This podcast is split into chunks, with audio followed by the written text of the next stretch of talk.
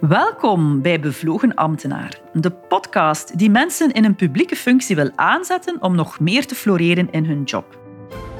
Ik ben Geertrui en ik ben al tien jaar als extern procesbegeleider bakens aan het verzetten bij alle mogelijke overheden.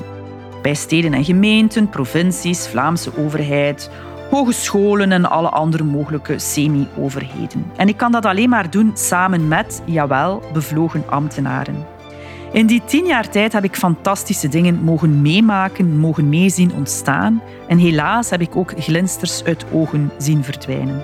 En zo is mijn idee ontstaan om vanuit die noden die ik in de praktijk zie bij bevlogen ambtenaren, om daarmee aan de slag te gaan. Je kan bij mij terecht voor coachings, voor teamtrajecten, voor workshops en dergelijke meer. Trouwens, ken je de minigids al voor de bevlogen ambtenaar? Je kan die gratis downloaden op mijn website bevlogenambtenaar.be.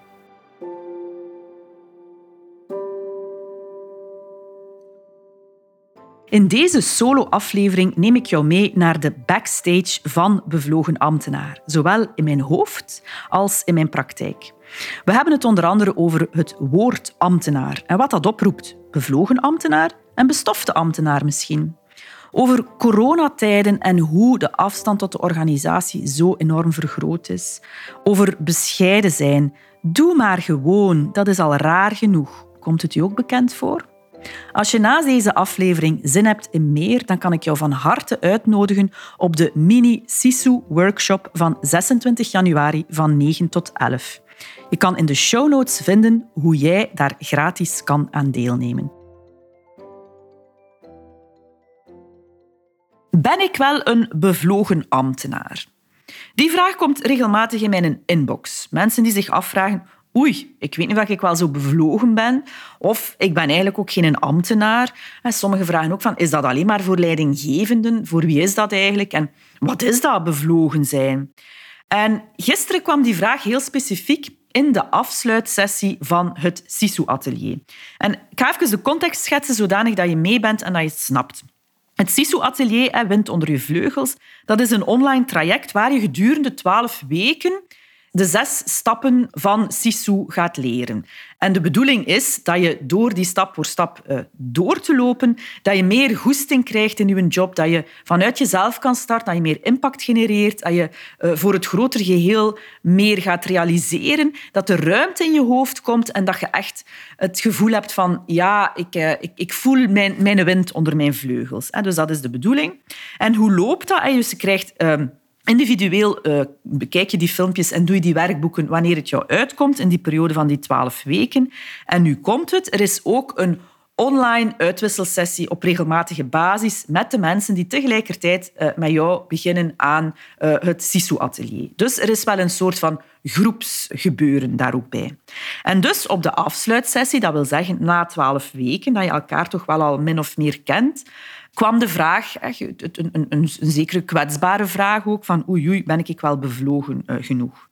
En voor mij was dat een reden om daar een, een uitzending over te maken of een aflevering over te maken, omdat daar heel veel achter zit waarvan ik denk dat het interessant kan zijn voor jou, al zijn het maar een aantal prikkelende ideeën die ik wil meegeven of inzichten. En er zijn een aantal elementen die ik er wil uithalen. Het eerste element gaat over de tijd, de tijdsgeest, het coronaverhaal, het gegeven van uh, dat het toch wel heel bijzondere tijden zijn. En daar neem ik jou straks verder in mee. Een tweede gaat over het woord ambtenaar. Het woord ambtenaar, het in publieke functie zijn en wat, dat, wat daar allemaal aan vasthangt. Een ander iets is de hiërarchie. Waar zit ik in de hiërarchie?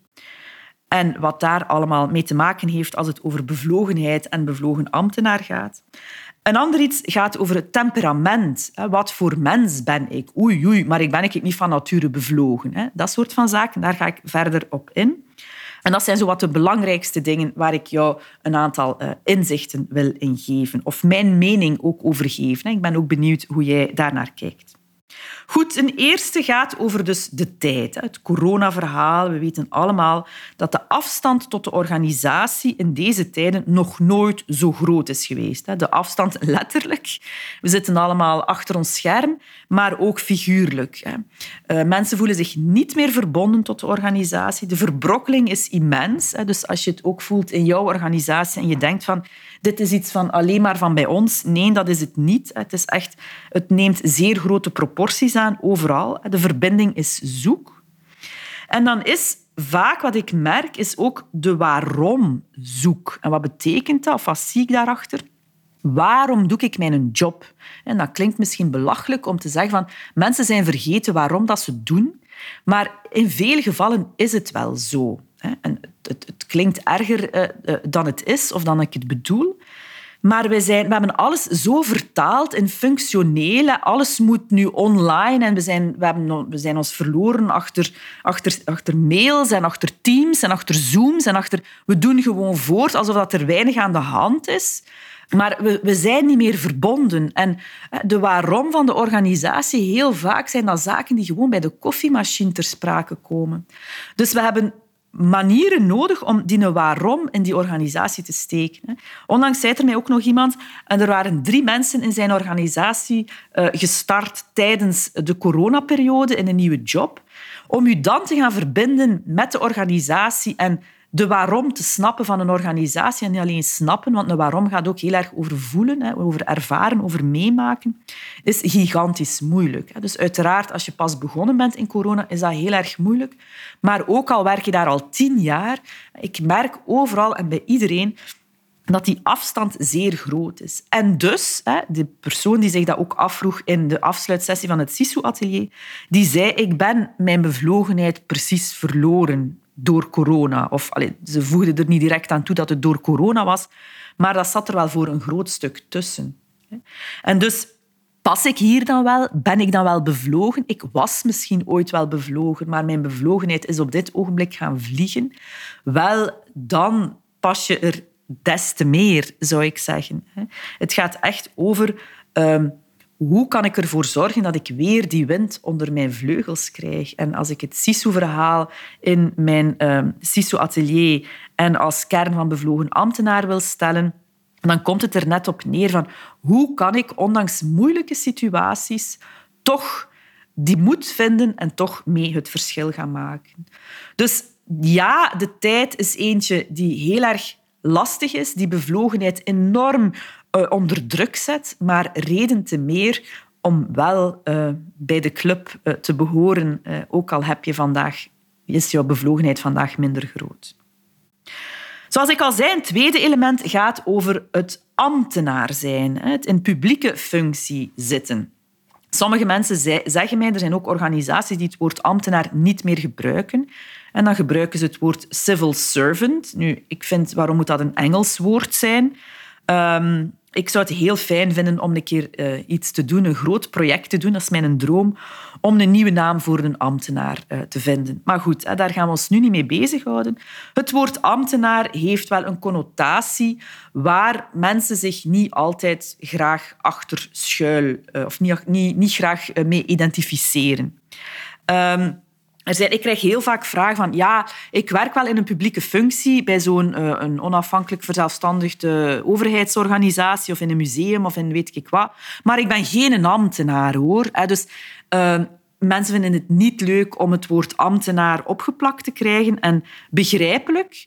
Uh, want misschien is wel een van de redenen waarom ik voor het woord of voor de naam bevlogen ambtenaar heb gekozen als een soort van mijn eigen haar dat recht komt van de publieke opinie die denkt dat er alleen maar bestofte ambtenaren zijn, terwijl ik tien jaar in het participatiewerk dat ik heb mogen doen echt wel gezien heb wat voor bevlogenheid dat er is en wat voor ongelooflijk goede mensen dat er in een overheid werken en dat er wel uh, bevlogen ambtenaren uh, bestaan.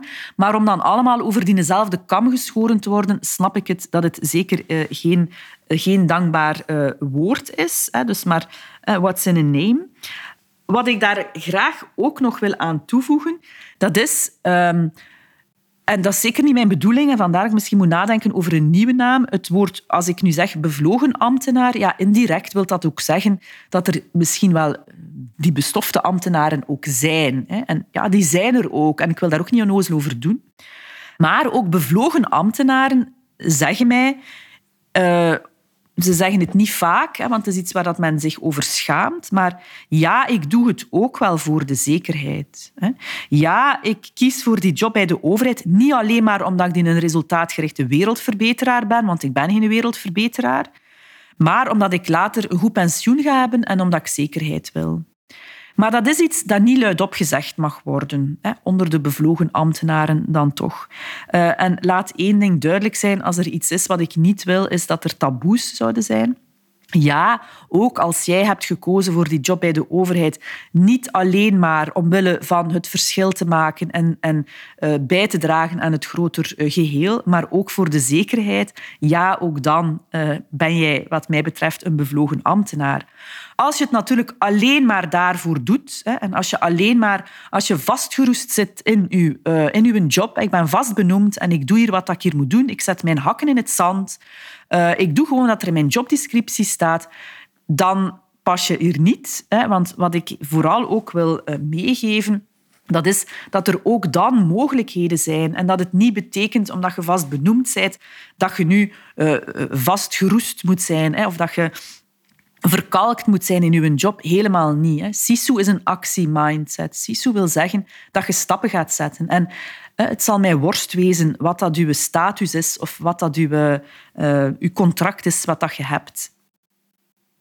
Een ander stukje gaat over de hiërarchie. Mensen stellen mij de vraag, oei, is dat wel iets voor mij, want ik ben geen leidinggevende. Het heeft wat mij betreft niets met leidinggeven te maken. Het heeft alles met leiderschap te maken. En of dat jij dan een team leidt, letterlijk hiërarchisch, uh, die onder u staan, of dat je dat niet doet, dat, is, dat is niet belangrijk. In de praktijk komt het natuurlijk wel vaak neer op leiderschap. Maar ook mensen die niet hiërarchisch leiding geven, en wat wil dat dan zeggen? Of, of hoe zie ik dat dan? Het zijn inderdaad wel vooral hoger opgeleiden uh, die, waar ik mee samenwerk op dit ogenblik. Ik zeg niet dat dat zo gaat blijven, maar op dit ogenblik is dat wel zo. Ik werk ook wel uh, met organisaties samen die ook de, de blue collars um, uh, bedienen. Hè, maar dus daar ben ik op dit ogenblik nog niet mee bezig. Dus het gaat wel vooral hè, over die white collars, over mensen met een hogere opleiding.